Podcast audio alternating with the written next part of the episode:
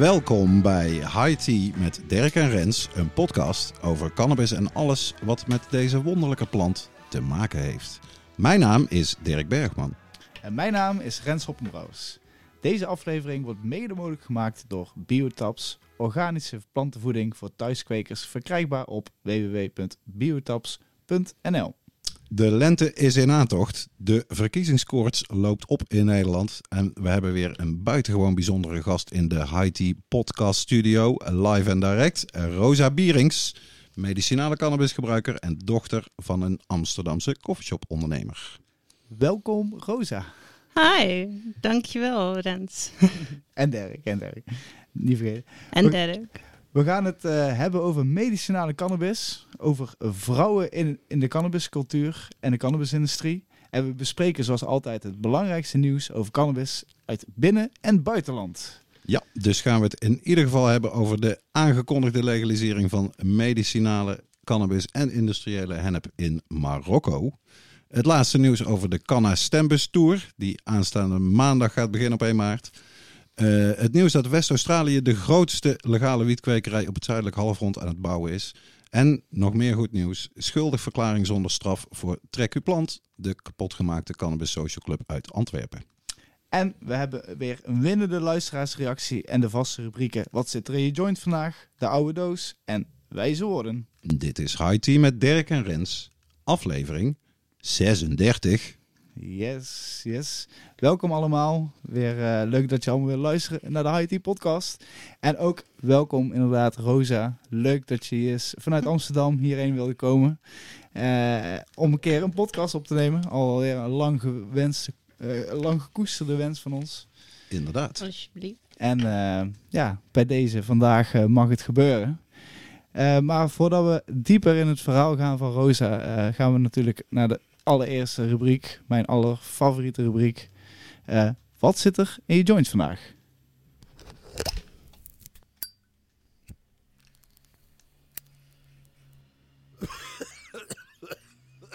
Wat zit er in jouw joint vandaag? En zoals altijd beginnen we bij de gast. Rosa, wat zit, uh, wat zit er in jouw joint vandaag? Ik ben aan het genieten van een heerlijk huisje dat ik uh, van jullie heb gekregen, van Dirk denk ik voornamelijk. En, uh, nou, weet ik eigenlijk niet hoor. Nee, van wie dan? Van jou? Laat er maar niet uit. Nee, jij bent een candy boy. Van de, van de IT podcast. Van de IT podcast. Zo, zo, zo hebben we elkaar ook. Anyhow, de, het hasje heet Fruit Passion. En, en het is super, super, super nice. Ik word echt gewoon melig ervan. Dat belooft wat voor de uitzending, mensen. Lachen, gieren en brullen. Met Rosa. Precies. Ik heb er zin in. Dirk. Wat er in mijn joint zit vandaag. Wat ben jij aan het roken? Nou ja, dat is wel. Uh, ik gooi het er een beetje achterloos in. Maar hm. dat is iets wat ik ook uh, via via heb gekregen. Een mix van de melon. En hoe heette dat hele mooie kleine topje wat jij uh, toen je hier binnenkwam voor mij mee had genomen? Sweets. Sweets. Sweets. Nou ja, ja, allebei dus, van uh, Karma Genetics. Dus ik ben uh, met name die sweets, die rookt gewoon helemaal out of this world. Echt uh, zoals de beste London Pound Cake die ik in ieder geval heb gerookt. Dus ja, zoet en ja, gewoon zo zwaar turpy. Weet je, er is veel te ruiken mm. als je ruikt aan die but. En dan samen met die de melon, die ik al ken, hoop ik op een heerlijk soort fruity fijn karma effect voor deze uitzending kan bijna niet meer misgaan, uh, zou ik zeggen. Wat heb jij erin zitten? Nou ja, ik, ik, ik, ik kan het eigenlijk niet beter verwoorden als jou. Ik heb namelijk inderdaad de sweets meegenomen uh, om uh, lekker te roken tijdens de uitzending. Ja, want weet je ook meteen uit je hoofd wat voor kruising dat is? Het is guava gelato, gekruist met de sour diesel van uh, Karma Genetics. Boom. En het is inderdaad een heel, ja, heel bijzonder soort. Ik heb hem vast nog wel een keer eerder gerookt in deze uitzending. En het, het, fascinerende aan dit soortje is dat die uh, heel veel verschillende fino's zijn er in de omloop. Mm uh, omdat elk soortje weer een andere smaak heeft. De, de, er zijn drie populaire uh, fino's, de nummer 10, 20 en de 29. En je merkt Voor de mensen die misschien nog niet alle afleveringen hebben geluisterd, die bestaan ook. Wat, wat, zijn feno's ook weer? Wat zijn fenotypes? Nou ja, ik zal het waarschijnlijk ook verkeerd uitleggen, maar eh, in, Janneke taal is het gewoon, eh, die, de teler eh, die, die gooit 50 zaden uit van een soortje. En elk zaadje is een soort kindje, die heeft elk zijn eigen, eh, eh, ja, zijn eigen vorm en smaak ja, en typische eh, kenmerken. kenmerken. dus het is zeg maar, de, het is dezelfde kruising van twee soorten. Ja, Maar dat wil nog zeker niet zeggen dat alle nakomelingen exact hetzelfde zijn. precies. En vaak wordt er dan natuurlijk door grote zadenbanken wordt er heel erg door, doorgekruist of doorgewerkt met precies die fenotypen die, die zij het meest ideaal vinden. Ja, en, en kwekers gaan als, het, als ze bijvoorbeeld een, eh, op Vino hunt gaan, dan inderdaad, dan gooien ze bijvoorbeeld 50 verschillende zaden uit. Die nummers ook allemaal. En eigenlijk gaan er bepaalde rondes. Eerst kijken ze inderdaad welke groeit goed. Eh, degene die niet goed, goed groeien, die vallen af. Dan krijg je een schimmel en dergelijke eh, weerstand, dan krijg je elke keer die lagen waar ze weer dingen afvallen. En uiteindelijk houden ze een paar nummers over. Ja, precies. Die ook nog heel lekker smaken. Zo kom je bijvoorbeeld bij de GG13, wat dan Gorilla Glue ooit was, en dan nummer 13, toch? Ja, ja, En gelato met die nummers. Ja. ja, ja, ja. Gorilla Glue nummer 4 is het eigenlijk, maar, maar dat maakt niet uit. Dank voor de correctie. Het is, eh, het is, het is eh, Co-host. kijk, dat is die sweets toch? Hè? Dat is, eh, maar in ieder geval, om een lang verhaal kort te maken. Die aansteker deed het niet meer, sorry. alles gaat hier mis, dames en heren. Nee, maar En ik ieder heb nog niet eh, eens opgestoken. Maar in ieder geval, eh, je hebt dus eh, bepaalde fino's die dus heel erg populair zijn geworden. En in, in, in Maastricht bijvoorbeeld hangen, gaan er een aantal fino's van de sweets rond. En dit is de nummer 20. Zo. Dus eh, voor de liefhebbers, eh, je weet in ieder geval eh, welk nummer je moet vragen aan de balie. En je weet wat wij in onze joints hebben zitten vandaag. Precies. Ik hoop dat iedereen ook zelf thuis weer een lekker jointje aan het draaien is. En, en ik wil eigenlijk nog één ding zeggen voordat we helemaal losgaan. Hmm. abonneer even op ons kanaal van eh, onze YouTube kanaal, maar ook op Soundcloud eh, en op eh, Spotify. Het zal ons in ieder geval erg helpen, ook met meer bereik en dergelijke. En eh, dat is altijd leuk om te zien, eh, ook naar de feedback wat we ervan krijgen. Uitstekende tip. We, zeggen het nooit, en ik hoor al die professionele podcasts en YouTube dudes Die allemaal zeggen het zeggen. eigenlijk onderzin. Die zeggen het elke uitzending, dus ik vind dat ik het na 30 uitzendingen het ook wel een keer mag zeggen 35. abonneer op ons. Eh, eh, volg ons. eh, Like ons. Show us the love. Duimpje omhoog. En, Geef ons alles. Dus dankjewel Het alvast. kost niks. Hè? Precies. Nee, ik, ik dank u allen. En smakelijk met iedereen die lekker aan het roken is. Tijd voor het nieuws toch? Tijd voor het nieuws.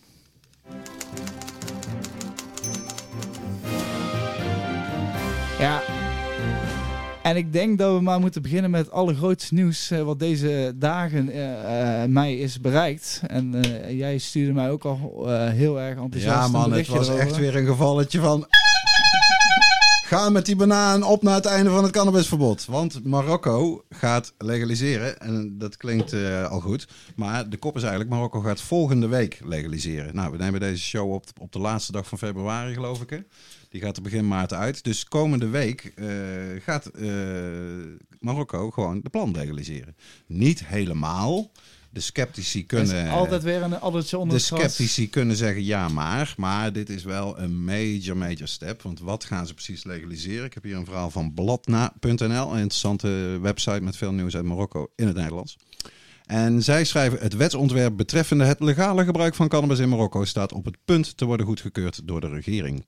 Onmiddellijk na de goedkeuring ervan zal een vergunning worden geëist door iedereen, van iedereen die belangstelling heeft voor de teelt ervan. Eh, dit is een, eh, inderdaad een interessant eh, aspect van het plan zoals ze het willen gaan doen in Marokko. Naast de vergunning zullen boeren ook verplicht worden om een coöperatie op te richten, meldt Morocco Today. Eraan toevoegend dat deze legalisering eindelijk recht doet aan de boeren. Dat weten we natuurlijk allemaal hè, van Marokko. Ja. Er zijn daar honderdduizenden mensen afhankelijk van de cannabisteelt, die nu nog helemaal illegaal is. Zij zijn de grootste hashproducent ter wereld. En er is enorm veel corruptie in Marokko. Er wordt eigenlijk al tientallen jaren gepraat over... eh, moeten we niet dat op een andere manier doen. En wat ik zelf heel interessant vond in de berichtgeving... is dat geschreven wordt dat de grootste partij van Marokko... die was altijd tegen. Die zijn omgegaan, zeggen ze zelf... sinds het besluit van de VN waar wij natuurlijk in de uitzendingen vaak Mhm. over hebben gepraat. Eh, de Verenigde Naties die cannabis heeft gedeclassificeerd in december 2020. En ook de medicinale waarde heeft erkend van cannabis. Dus je ziet dat Marokko, maar ook andere landen, Libanon eerder, maar allerlei landen, zij verwijzen naar die zeer belangrijke move van de Verenigde Naties. Die in Nederland vrijwel geen enkele aandacht in de media heeft gekregen. Zoals we gewend zijn. Maar je ziet dat het echt invloedrijk is. Omdat Marokko gaat gewoon deze stap nou zetten. En dat is eh buitengewoon goed nieuws, zou ik zeggen. Hoera, Ja. hoera, hoera. Zeker. Ook, ook vooral dat ze de boeren erbij betrekken. Dat zo. eh, want toen ik het eerste bericht las, was ik heel erg bang voor dat het echt dat de Big Pharma of eh, de, de, de grote LP's daar het alleen recht zouden krijgen. Nee, dus zij gaan het echt anders aanpakken. Eh, onze goede vriend Mauro Picavet op eh, cannabisindustrie.nl had ook al meteen een uitgebreid verhaal met de eerste Nederlandse reacties erin. Van onder andere Tom Blikman van TNI en ook van mijzelf. En op cannabisindustrie eh, staat volgens artikel 7 van het uitgelekte wetsvoorstel... zal Marokko van cannabisboeren eisen dat ze dus een vergunning verwerven. Dat ze de Marokkaanse nationaliteit hebben. De wettelijke leeftijd hebben, staat niet bij hoe oud dat is. En in een van de traditionele cannabisproducerende regio's van Marokko wonen. De Rif, kan je zeggen. Ja. Noorden, de, de, Berber daar in de bergen. Dat is natuurlijk de, ja, de, de, de plek waar de, de wiet groeit.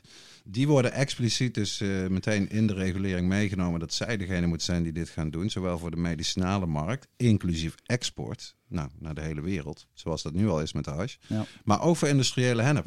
En dat is natuurlijk ook zeer interessant, want zij zijn al ja, zeer grootschalige velden die bestaan daar. Dat zijn die prachtige beelden hè, van eh, hectare vol met wietplanten. Maar dat kan dadelijk dus legaal. En nou, dat gaat gebeuren. En dat zal andere landen, zeker ook in de Arabische wereld, natuurlijk helpen. En Afrikaanse landen. Om ook die stap eh, te gaan zetten natuurlijk. Hè. Dat is echt big nieuws. Yes. Het volgende. West-Australië krijgt de grootste legale wietkwekerij op het zuidelijk halfrond. Ja, vertel Ja, geweldig verhaal. meer over. Heb ik voor mediwietsite.nl. Kijk naar die eh, website. Veel medicinaal nieuws, ook uit het buitenland, maar zeker ook uit het binnenland. Hoe heet het zuid? Uh, mediwietsite.nl. Kijk. Eh, ga erheen.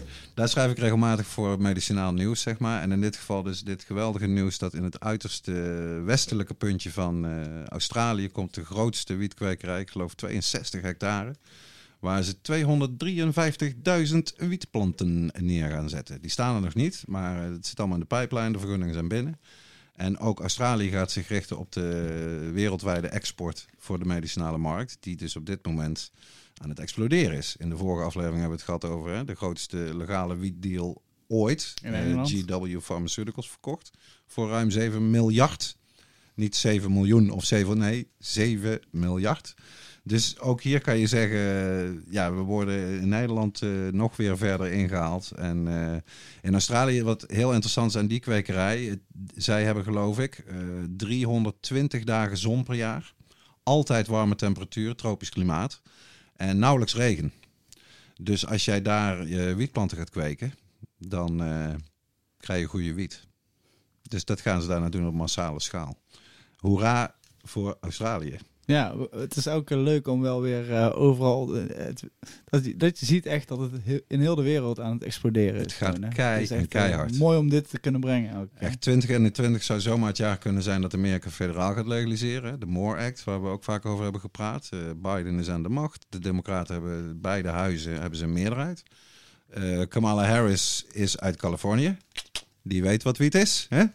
Dus nee, eh, het jaar ziet er wat dat betreft goed uit. We Ja. zullen het andere C-woord niet gebruiken. We hebben het hier in de uitzending gewoon alleen maar over het C-woord cannabis. Ja, en ook eh, inderdaad over wereldnieuws. En een nieuwtje wat dichterbij is eh, dan Australië. Mm. En waar we het ook nog met de, bij de luisteraarsreacties ook nog even over gaan hebben. Meer goed nieuws toch? Ja, schuldverklaring zonder straf voor trekt uw plant. Ja. Eh, de vaste luisteraar is bekend natuurlijk. De eerste Cannabis Social Club van België. Opgericht door eh, Joep Ome. Uh, Weile Joep Ome moet ik helaas zeggen. eh, medeoprichter van het VOC. En ook oprichter van Enkot. Die in Antwerpen eh, lang geleden die Cannabis Social Club is begonnen naar Spaans model. En die club, eh, ja, dit is toch eh, al met al een heel triest verhaal geworden. Ze zijn drie keer vervolgd in totaal door de Belgische justitie. Waarbij de laatste keer eh, is er volledig over die club en wat er nog over was uh, geboeldozerd. Mensen zijn opgepakt, hebben weken vastgezeten. zeer hoge straffen geëist, enorme geldbedragen, boetes. Eh, een van de plantverzorgers heeft zelfs eh, zelfmoord gepleegd. Het is echt aan alle kanten een drama wat de Belgische justitie ja, helemaal verantwoordelijk voor is. De, dat liep dus allemaal af vorige week, hè, eind februari, de 24ste, de, de dag dat de, 100 jaar, of dat de drugswet in België 100 jaar bestond. En lo and behold, zoals de Amerikanen zeggen, de rechter bleek enige menselijkheid en redelijkheid in zich te hebben. En heeft ze dus van alle straf uh, ontdaan, in zekere zin. Dus het beste zou zijn geweest als het vrijspraak was geworden. Waarmee dus zeg maar, de Cannabis Social Club gelegaliseerd zou worden in België. Dat was toch nog net iets te veel gevraagd, uh, blijkbaar in Antwerpen vorige week. Maar ze hebben dus uh, schuldig verklaring gekregen. Ze zijn schuldig. Eigenlijk net zoals maar, Eigenlijk precies zoals Doede. Ja. Niets meer betalen, geen voorwaardelijke celstraf boven je hoofd, waardoor je niks meer kan doen. Ze hebben iets gedaan wat inderdaad tegen de wet was, maar ze worden er niet op gestraft. Dus, uh, precies. ja. En wat zij natuurlijk altijd terecht naar voren hebben gebracht, zij zijn eerzame burgers. Zij zijn betrokken, verantwoordelijke mensen die niet op de zwarte markt hun cannabis willen kopen en het liever in onderling verband, in een soort coöperatie, hè, een cannabis social club, regelen uh, met elkaar. 21 plus, noem maar op. Uh, dus dat is, het is, het is verschrikkelijk uh, hoe ermee om is gegaan door de Belgische justitie. Maar het is een lichtpuntje dat in ieder geval voor die mensen die dreiging weg is. Dat ze de rest van hun leven nog uh, moeten betalen aan bizarre vorderingen en noem het allemaal maar op. Dus ook daar kunnen we iets zachter, maar toch in de toeter knijpen. Ja, en ja, bij de reacties van luisteraars hebben we daar nog eventjes daar nog iets over te zeggen. Dus yep. hou, hou je aandacht erbij. naar het laatste nieuwtje, voordat we uh, dieper ingaan uh, over het verhaal van Rosa, uh, hebben we nog een heel leuk dingetje. Of in ieder geval een dingetje, in ieder geval Dirk... Om... Een ding? Het is een ding, Jan. Het is een, een baksteen. wat het nee, is een grote, grote actie. Hier ben je inderdaad al maanden mee bezig met ja, een klopt. behoorlijk team. Ja, met meerdere mensen. Het is eigenlijk buitengewoon interessant en inspirerend voor mijzelf ook, moet ik zeggen. We werken net samen met mensen van het Hoge Noorden tot, tot Den Haag, tot nou, diverse plekken in het land. De Canna Stembus. Dat is een, uh, op Twitter heb ik een plaatje van gedeeld. Een soort artist impression, dus meer een tekening. Daar werd gereageerd, uh, wat een schattige bus. Nou, dat vond ik een aardige en terechte omschrijving. Het is wat je noemt een uh, microbus. Dat wist ik ook niet tot, ik, tot ik wist dat dit de bus zou worden. Maar het is een bus waar oorspronkelijk 12 stoelen of 10 stoelen volgens mij in zaten. Die is helemaal omgebouwd dat die corona-proof is. Er zit een podcaststudio in met deze bekende microfoons waar ik op dit moment in aan het spreken ben. En ook ons mengpaneel gaat mee onderweg. Maar er worden ook, of er zijn inmiddels camera's ingebouwd. De chauffeur zit helemaal corona-proof. Er is een, een, een, volledig nieuwe cabine getimmerd voor de technicus die uh, de hele tour meegaat. Ik zelf presenteer alles wat gebeurt zeg maar, in die uh, kannen stembus. Uh, de interviews met politici, Tweede Kamerleden, koffieshopondernemers. we hebben een aantal hele leuke verrassingen in het programma zitten. Dus ik, ja, het is in het diepe springen. Ik begin maandag op het plein in Den Haag, pal tegenover de Tweede Kamer. Daar staan we de hele dag. En mensen kunnen kijken naar de livestream. Dat is zeker een website die je de komende weken tot de verkiezingen in de gaten moet houden. www.kannastembus.nl Zullen we hem nog een keer herhalen? Schrijf hem op. kannastembus.nl Nee, een, ja, een, een nieuw project waarbij echt heel veel mensen en ook bonden en organisaties nou eindelijk eens een keer ja, lekker productief aan het samenwerken zijn voor het hogere groene doel. En dat is natuurlijk, mensen, als je van cannabis houdt, ga stemmen op 17 maart. Het kan nou ook op 15 en 16 maart, maar in ieder geval uiterlijk 17 maart. En stem cannabisvriendelijk. En als je wil weten wat dat inhoudt, welke partijen cannabisvriendelijk zijn, doe de cannabis-stemwijzer.nl, die we ook uh, samen zeg maar, hebben geïntroduceerd met Stichting Maatschappij en Cannabis. Shout-out naar Hester Kooistra, met name, die daar zeer veel goed werk heeft gedaan. En voor de mensen die niet weten wie Hester is en voor de mensen die op Twitter zitten, volg haar op het Soma Nagpo. Wat volgens mij betekent een hashpijp in Tibet. Maar in ieder geval Hester, super interessant, weet Ja. er alles van. Eh, ja, we gaan rijden met die bus van Maastricht tot Leeuwarden. We komen in Utrecht, we komen Rotterdam, Eindhoven, Tilburg, Nijmegen, Apeldoorn en ik weet het allemaal niet. Eh, ga kijken daarna, ga luisteren, want eh, we zijn met een hoop mensen aan het werk om daar iets heel bijzonders van te maken met heel veel informatie over cannabis. En ga stemmen is mijn oproep aan een ieder. Yes. Zo, dat was het nieuws. Iedereen weer bijgeluld. En laten we, ja, laten we naar het verhaal van Rosa gaan. Het verhaal van Rosa. Eh, ik, ik, ik, ik heb Rosa leren kennen, eh, volgens mij, eh, ehm, als ik goed heb, volgens mij Cannabis Vrijdag 2017, 18 dacht ik. 18? De laatste keer? Nee, Laatste de ene laatste keer. Voorlaatste. Ja, dat was toch 2017. Toch 17. En ik was toen op dat moment eh, de Candyman. en eh, ik, was, eh, ik zat ergens in een tent. eh, Voor de paar luisteraars die zich geen voorstelling kunnen maken wat Candyman, eh, wat dat betekent. Nou, in hoeverre mag ik het vertellen? Dat is... eh, Cannabis Bevrijdingsdag wordt niet meer georganiseerd, dus je kan alles. Alle geheimen kunnen in deze podcast aan bod komen. Alles mag het is er nog niet verjaard, hè, dus dat is wel een beetje... Nee, ik ik had, ik had eh, de gelukkige taak om, eh, om alle vrijwilligers die, eh, eh, die er waren op het eh Cannabis Bevrijdingsfestival... om die eh, af en toe wat lekkers erbij te mogen stoppen. Precies. Ik dacht bijna dat je ging zeggen alle vrouwen. Maar je zei vrijwilligers. Ook vrouwen natuurlijk, om een extra Vrouwen, mannen, maar Ehm, alleen maar 18 plus. Zeker. En toevallig kwam jij ook even langs eh, en eh, was jij in de VIP-ruimte. en we, we kwamen in, in, in gesprek en ik had je toen een eh, topje wiet gegeven.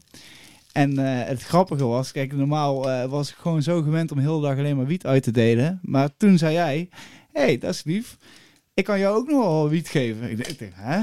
Wauw. Dus toen kwam je terug met een 5 gram Jack Herrer, eh, of in ieder geval van Bedrocan, een potje.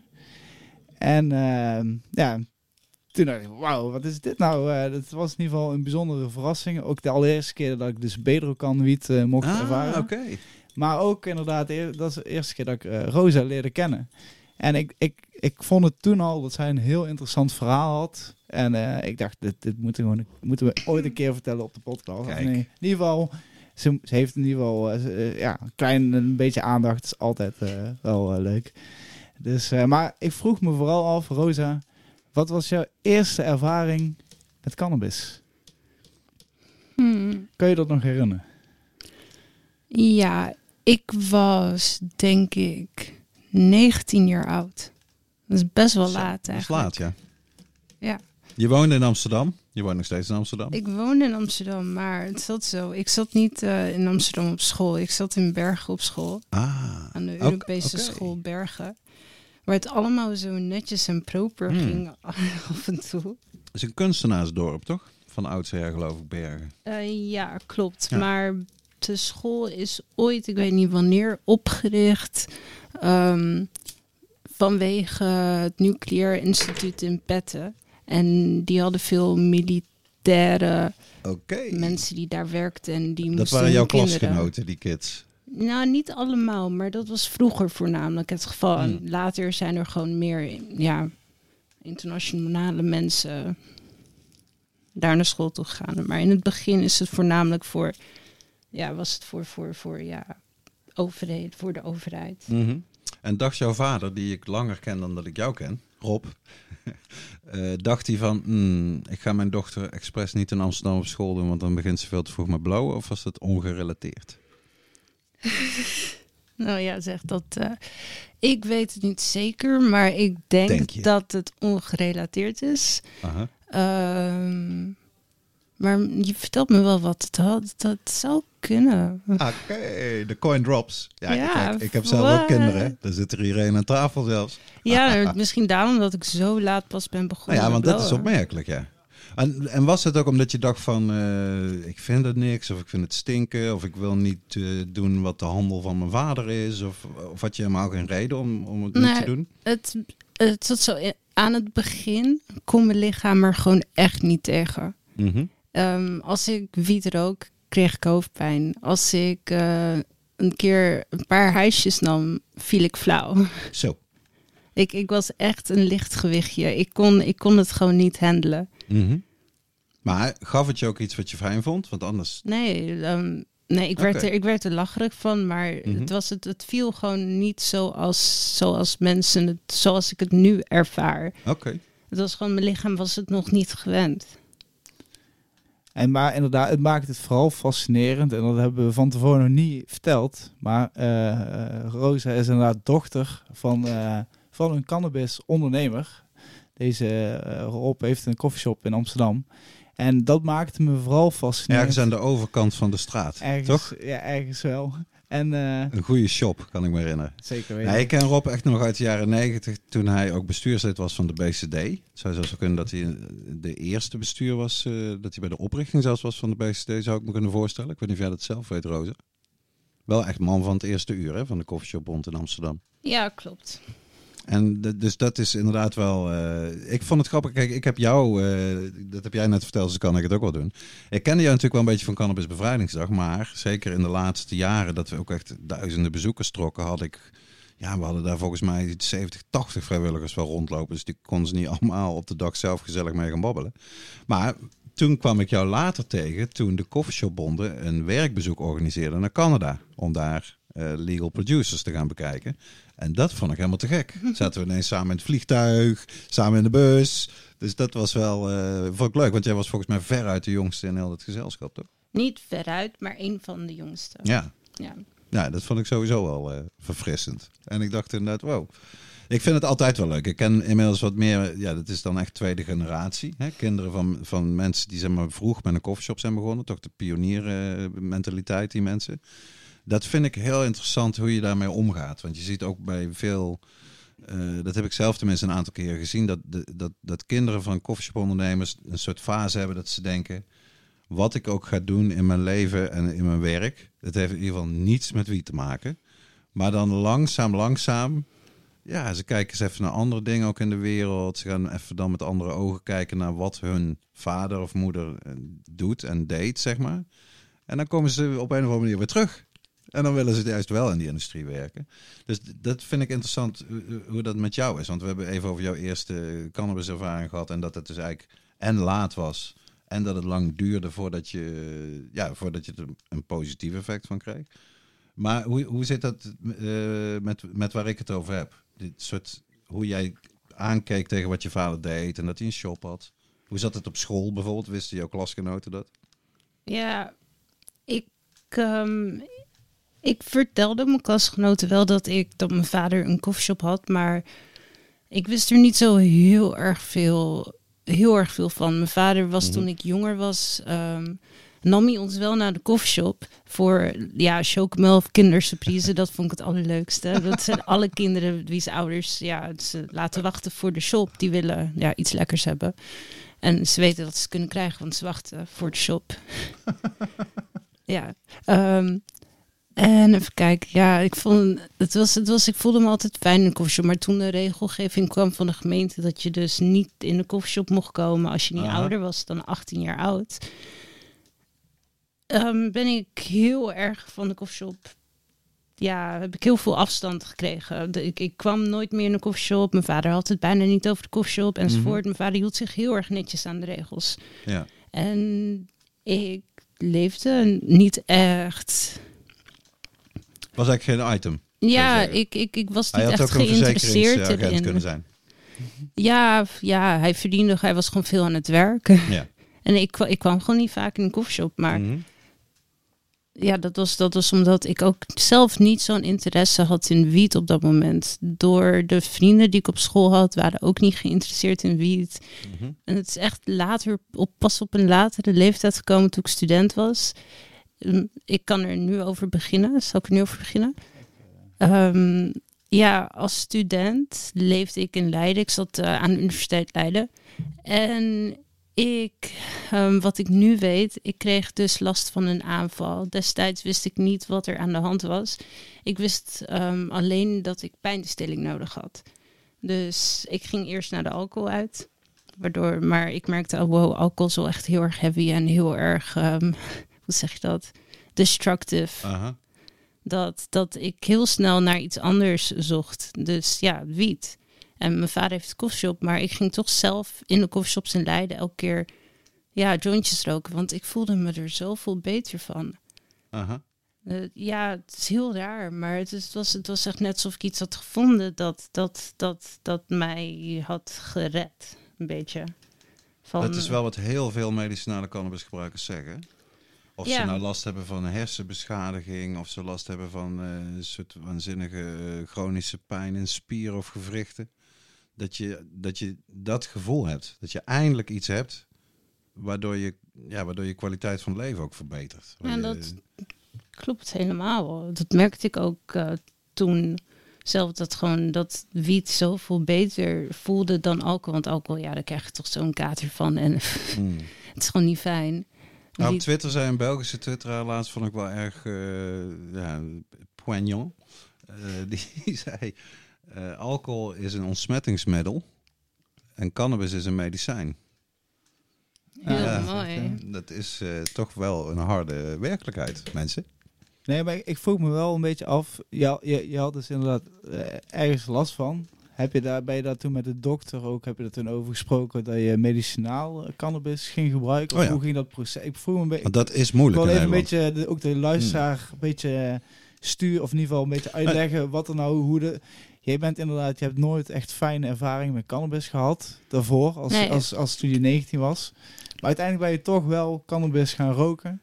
En dat was niet alleen om inderdaad, het was niet om je problemen weg te blowen of zo, maar het was inderdaad echt iets medicinaal of lichamelijks wat ervoor zorgde dat je het echt cannabis nodig had om het weer te levelen. Klopt. Want, want Kun je duurde dat het, uitleggen? ja, want duurde het ook lang voordat je wist wat je dan precies had?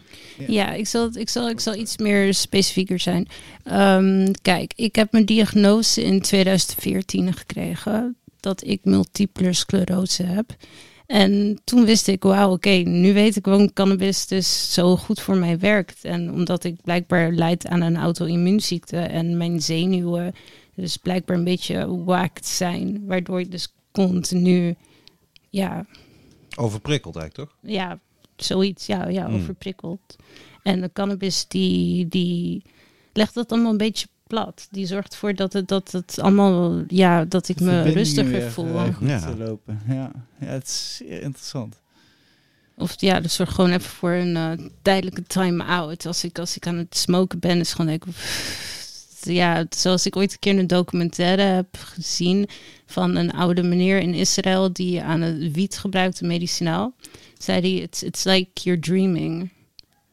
Is gewoon, Mhm. je, je bent even weg uit jouw realiteit. Maar je hebt wel je ogen open en je ziet alles wat gebeurt. Ja, En je ruikt alles ook Klopt. erg goed. En eh, dat valt mij ook nou... eh, ja, de lente komt er inderdaad weer aan, weet je wel. De, de bloemen gaan open, de vogels gaan weer fluiten. En dan vind ik dat zo heerlijk. Dat als je iets gerookt hebt en je bent in de natuur... of je loopt zelfs maar langs een plantsoen...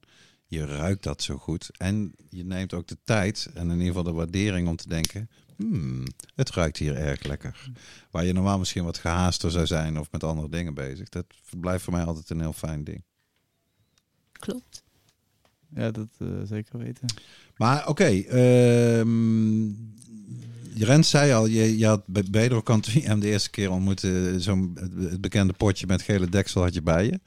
Eh, hoe is dat gegaan dat je, dat je zeg maar, een erkend medicinaal cannabisgebruiker eh, kon worden? Is dat lastig gegaan? Of?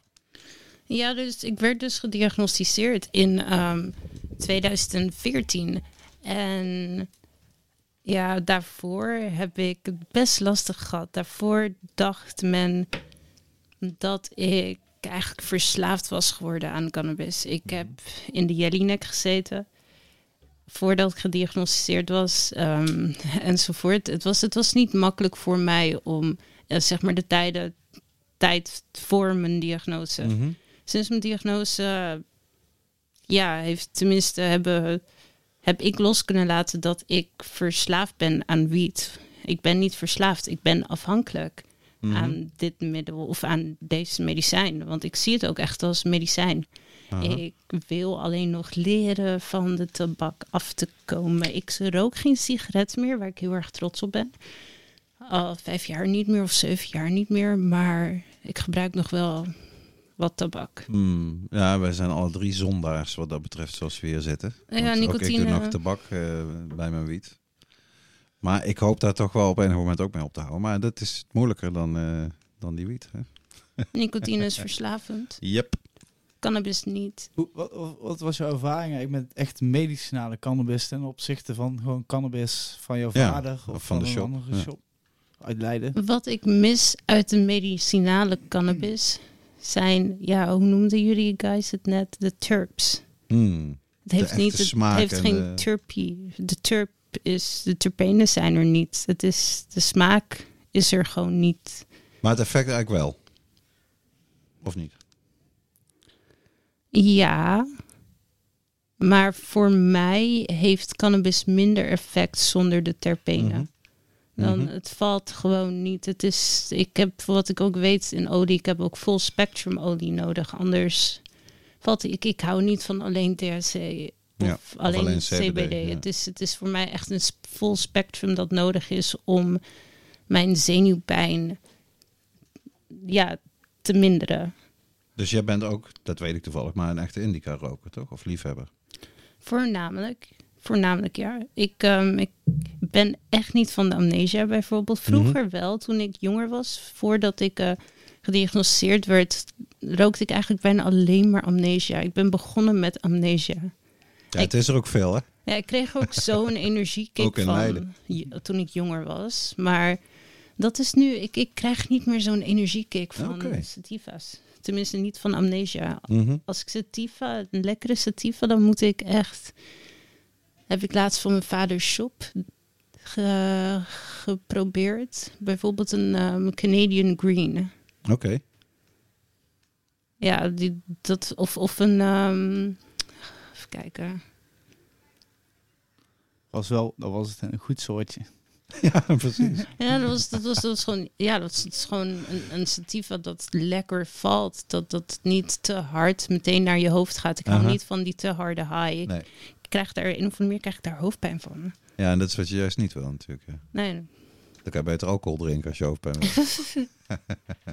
Dat, ja, eh, klopt dat- helemaal. Maar ik vind het ook wel leuk om nog, eh, om nog te vermelden dat je gewoon eh, eh, van eigenlijk niks met je cannabis te maken willen hebben. Of nou willen hebben, of dat het je niet Ja, interesseert. dat geen issue was. ook met je, met je vader, dat je niet echt heel erg ermee bezig bent. Toch merk ik het, of eh, af en toe hoor ik dat je toch wel een beetje nou betrokken bent met de koffieshop. En dat je af en toe helpt met de dingen, met de spacecakes bakken en dingetjes. Dus eh, Tell us about it. Ja, ik ben er langzamer, zeker, zeker naar mijn diagnose, meer in gaan interesseren in de cannabis. En voornamelijk medicinaal gebruik. Ik heb online zoveel artikelen Mhm. opgezocht, eh, filmpjes, vooral YouTube. YouTube is een, echt een, een teacher voor mij, het is gewoon mijn university. Ehm, heel veel YouTube-filmpjes gekeken.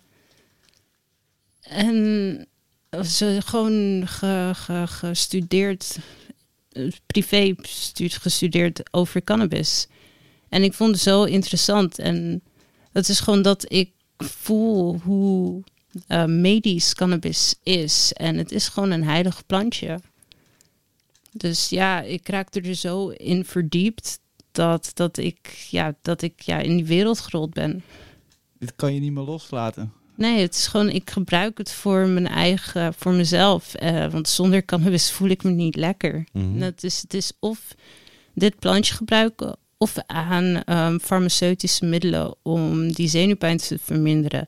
En wat ik merk, ook als ik geen cannabis gebruik, ga ik heel snel aan de alcohol en andere verdovende middelen. En die middelen zijn toch echt heel erg destructief. Hmm. Ja, zeker weten. En zijn er ook bijvoorbeeld eh, adviezen die je voor... Voor dat iemand luistert die denkt... Jezus, Die ik MS zou, heeft. Ja, ik zou Of eigenlijk ook iemand wel kent eh, met MS. medicinale cannabis. Zijn er bepaalde wegen die ze adviseren of zo? Ja, wat ik weet is dat ik aan de olie moet. Mhm. Ehm, ik moet gewoon nog zien olie te kunnen maken zelf. Of iemand vinden die het aan mij kan gunnen voor een iets minder dure prijs dan de gemiddelde verkoper. Het is echt eigenlijk niet normaal duur. Misschien kan ik je na de opname wel een tipje geven. Oh, Ja, of iemand nice. zou zich a- kan zich aanmelden. Ook, Dat eh, mag ook. Dat zou ook eh, tof zijn als Maar, we eh, mensen kunnen linken. There is medicine. Maar eh, dat is eh, zeker het dingetje. eh. en hoe, hoe, ja, hoe zie jij nog de toekomst van cannabis? Of is dat een te globale vraag om Dat te stellen? heel algemeen. Ja, Hoe, hoe zie je jouw toekomst met cannabis Ja. misschien? Zie je jezelf inderdaad ooit zelf een koffieshop runnen, al dan niet die van jouw vader? Of zie je jezelf professioneel kweken? Of, Of in een medicinale tour? of zie je jezelf gewoon, ik, Le- ik ben gewoon een patiënt en, en, mijn, en dat, en dat hoeft niet mijn werk te zijn, zeg maar. Nee, ik zie mezelf wel iets met een coffeeshop of een social club inderdaad bezig zijn. Ik wil ehm, cannabis voor patiënten meer toegankelijk maken. Niet alleen patiënten, want het probleem is mensen denken dat patiënten alleen cannabis nodig hebben. Maar er is een heel groep aan mensen die voor hun diagnose hulp nodig Mm. hebben. En die dus rond, verdwaald rondlopen en niet weten waarom ze cannabis zo lekker vinden en waarom ze het gebruiken en, en dat soort dingen. Mhm. En dat, zijn, dat is een groep die ik heel graag zou willen helpen. Want ik ben ook een van die mensen geweest. Ik liep gewoon rond en ik wist niet waarom ik cannabis nodig had. Want ik wist niet wat, wat er mis was met mij. Of mis, waar ik last van had. Nou ja, ik kan me voorstellen dat juist het feit dat eh, jouw pa een shop had, dat dat eigenlijk eh, dat niet meehielp. In de zin van dat jij het misschien zelf ook eigenlijk alleen maar koppelde aan ja, leuk, high worden, hè, shoppie, fijn. En niet, dit is serieus medicijn. Dit helpt tegen mijn zenuwpijn. Ja, dat, dat realiseerde ik me helaas pas later. Nou ja, Ah, je bent nooit te oud om te leren, toch? dat bedoel ik. Ja, ja, ik bedoel, ik heb mijn vader veel zien werken. Ik was altijd dat kindje dat heel irritant heen en weer in een kantoor rondliep en dat soort dingen. En weggestuurd werd en, enzovoort. Maar ja, ik was klein. Ehm, Dat is lang geleden. ja, ja, ik ben nu niet meer zo kort meer, klein meer. Ehm, maar even kijken. eh, ja, het was, het was gewoon ja, anders. Mhm. Ja. Wat was de vraag ook? Of jij denkt dat het, het feit juist dat pa een shop had, dat jij daardoor door zelf eigenlijk later pas ging realiseren, dit, dit, is, een- dit is een medicijn. Omdat je het altijd alleen maar in de context hebt gezien van de coffeeshop. Nou, In Amerika is dit, zijn dit soort dingen natuurlijk heel anders. Hè? Met, het is allemaal medical dispensary komt eerst en daarna komt eigenlijk pas adult use winkel. Ja. Hier is het andersom. Klopt. Hier, hier, ik krijg medisch, van de medische kant niet echt heel erg veel hulp met eh, cannabis als medicijn te gebruiken. Ik heb wel een neuroloog die compleet pro is. Die, die zegt dat ik gewoon moet gebruiken wat ik het fijnst vind werken. Ja. Hij, eh, hij heeft mij ook ehm, eh, geholpen met bijvoorbeeld zien dat ja, drugs die, die echt illegaal zijn, soms wel heel erg geneeskundig kunnen werken. En ja, dan heb ik het niet over cannabis, maar over andere illegale drugs. Dat is voor de MDMA-podcast. Ja, precies. Dat doen we met in een andere special. eh, gaan we daar nog even over praten. Nee, maar het is in ieder geval. Ik vind het, ik vond het in ieder geval, ik vind het in ieder geval een zeer interessant verhaal. Eh, je bent eh, toch een beetje de prinses van de cannabis uit Amsterdam. Zou ik Zo wel zeggen. een beetje. Ja, ik voel me super gevleid. Als Ja, je het zegt. nee, maar je, en je zet je toch ook al jaren in best wel voor cannabis. Ik zie je soms op een poster staan eh, van Mary Jane. eh, Ja, in die tentoonstelling in het Hashmuseum. in Prachtige Barcelona. foto was het ook, kan ik me herinneren. Dus, Erg eh, mooi. Naast medicinaal cannabis gebruiken ben je toch ook wel eigenlijk een, een cannabismodel. Misschien ook wel. eh, maar eh, misschien kan dat je toekomst eh, worden. Wie weet. Hoop ik. Dan zouden, nee, het is eh, zeker leuk. In ieder geval, ik vind het in ieder geval eh, hartstikke leuk dat je in ieder geval hier naar Eindhoven wil komen om even daarover te willen praten. Dankjewel daarvoor. Alsjeblieft. Ik zeg, we gaan naar de oude doos.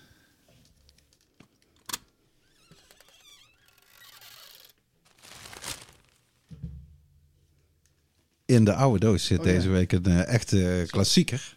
Eh, ik heb hem hier in mijn hand. Het Marihuana groeiboek van Mel Frank en Ed Rosenthal. Dat is de Nederlandse vertaling van een van de eigenlijk oudste kweekboeken van eh Ed Rosenthal. Dat officieel or- origineel is verschenen in 1978 onder de titel Marijuana Growers Guide. Ik heb dat boek zelf jaren geleden, voordat ik ooit zelf begon met kweken, gekregen van de ex-man van een hele goede vriendin van mijn vrouw. Dat kan de luisteraar niet volgen, maar dat maakt niet zoveel uit. Zo kwam ik aan het boek. Het is inmiddels erg vergeeld. En ehm, ik weet vrij zeker dat bij alle echt vroege kwekers in Nederland, dus die in de jaren tachtig zijn begonnen, die hebben allemaal dit boek. En ehm, er is tegenwoordig heel moeilijk aan te komen. Ik heb nog even gecheckt op boekwinkeltjes.nl. Ze doen 50 euro. Nou, eh, ze kosten niet meer dan 100 gulden back in the day. En eigenlijk als je dat boek gelezen hebt, dan heb je 90% van alle basiskennis die je zou willen hebben over kweken, die heb je gewoon. En de rest is een beetje eh, fine-tuning. En eh, wat ik zelf erg leuk vind, het zit er na al die jaren ook nog in. Dat zat er ook in toen ik het kreeg. Ik vouw het nou even op. Open. Dat is een krantenbericht uit de jaren 80 met foto.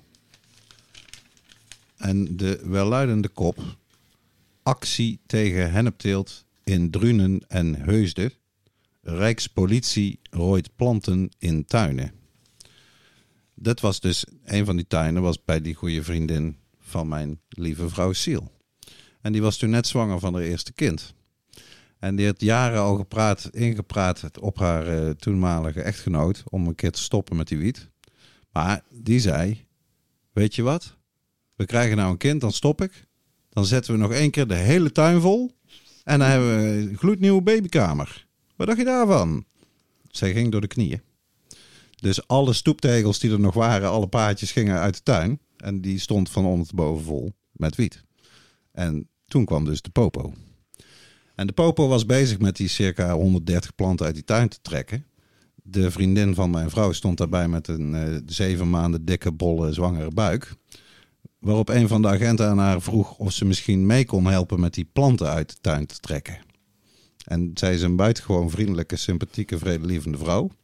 Maar op dat moment heeft ze die agent helemaal stijf gescholden en uitgelegd, schreeuwend, dat dat haar babykamer was die uit de grond werd gerukt. Dus dit uh, krantenberichtje cherish ik en dit boek ook.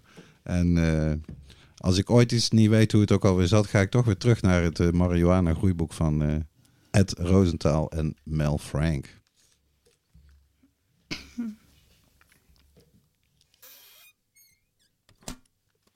Dicht hij. We knippen het er allemaal uit. ja, nou, leuk verhaal. En ook, ik wens ik, of ik, ik nodig iedereen uit om dat boek uh, überhaupt nog te kunnen lezen. Of uh, ergens online. Dus ik, zou dat, is het mogelijk? Is het nog te koop? Nou, weet je, Ed Roostal heeft sindsdien denk ik nog 30 boeken over wiet gepubliceerd. En, uh, ook, dus als je gewoon gaat kijken wat, wat er is. Kijk, al die shit van hem is goed. Hij ja. weet hoe je moet kweken. Hij heet niet voor niks de guru of ganja. Hij is de bekendste wietkweker ter wereld. Dus al zijn shit is aan te raden. Yes. Laat, uh, laten we doorgaan naar reacties van luisteraars. En deze keer hebben we een uh, ja, best wel interessante uh, suggestie en inzending van iemand uit België. En dat sluit dus ook weer mooi direct aan op het nieuws. Aan, aan een nieuwsitem van Trek to Plant. En het is een mailtje van Fabrice en die luidt als volgt. Beste Dirk en Rens. Ik had misschien nog een goed idee voor een aflevering. Je zou ex-leden van Plant kunnen uitnodigen of mensen die ermee bezig zijn met toekomstige legalisering van cannabis in België. Uh, in ieder geval, je zou deze mensen kunnen uitnodigen voor een uitzending. En zoals mij luisteren ook veel mensen uit België en kunnen eventueel via deze podcast voorstellen worden gedaan voor toekomstige plannen. Groetjes, Fabrice.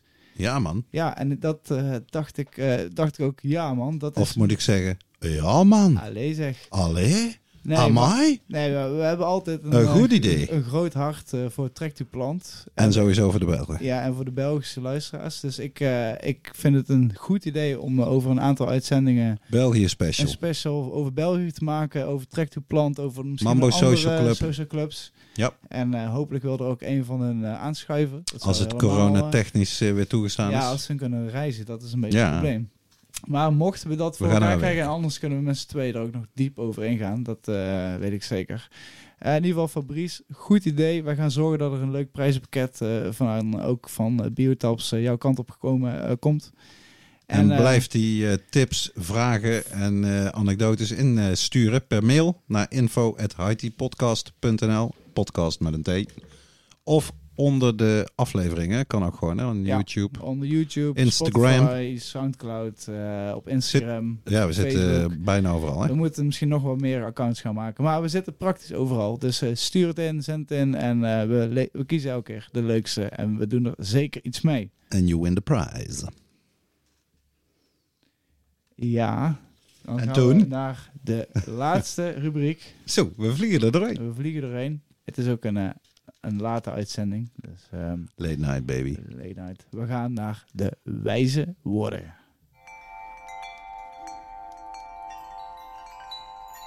Wijze woorden.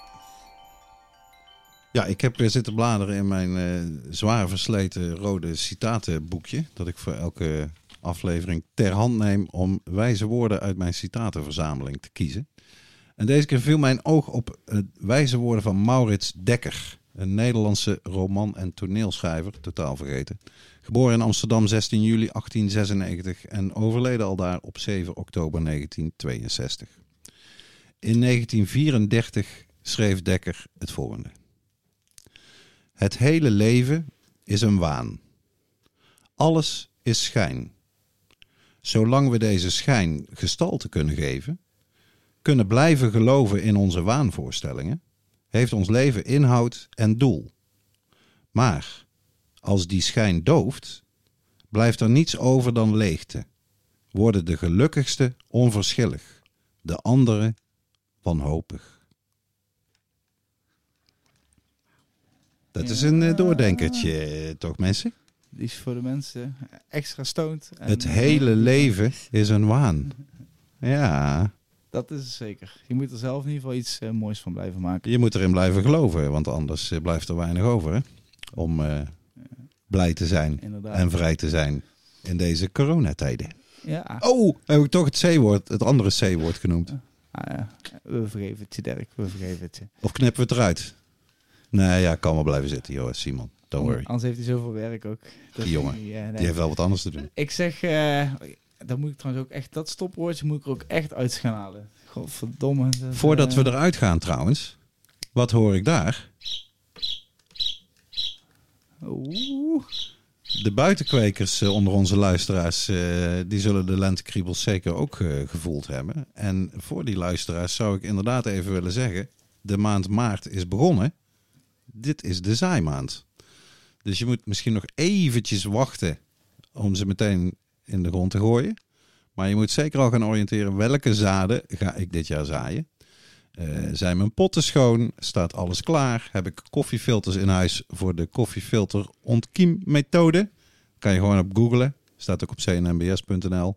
De beste methode om zaad te ontkiemen en te zorgen dat je er geen kwijtraakt, is de koffiefiltermethode. Dus google daarop en doe het op die manier, want het is de beste manier. En eh, wacht nog heel even met inderdaad eh, je plantjes te starten.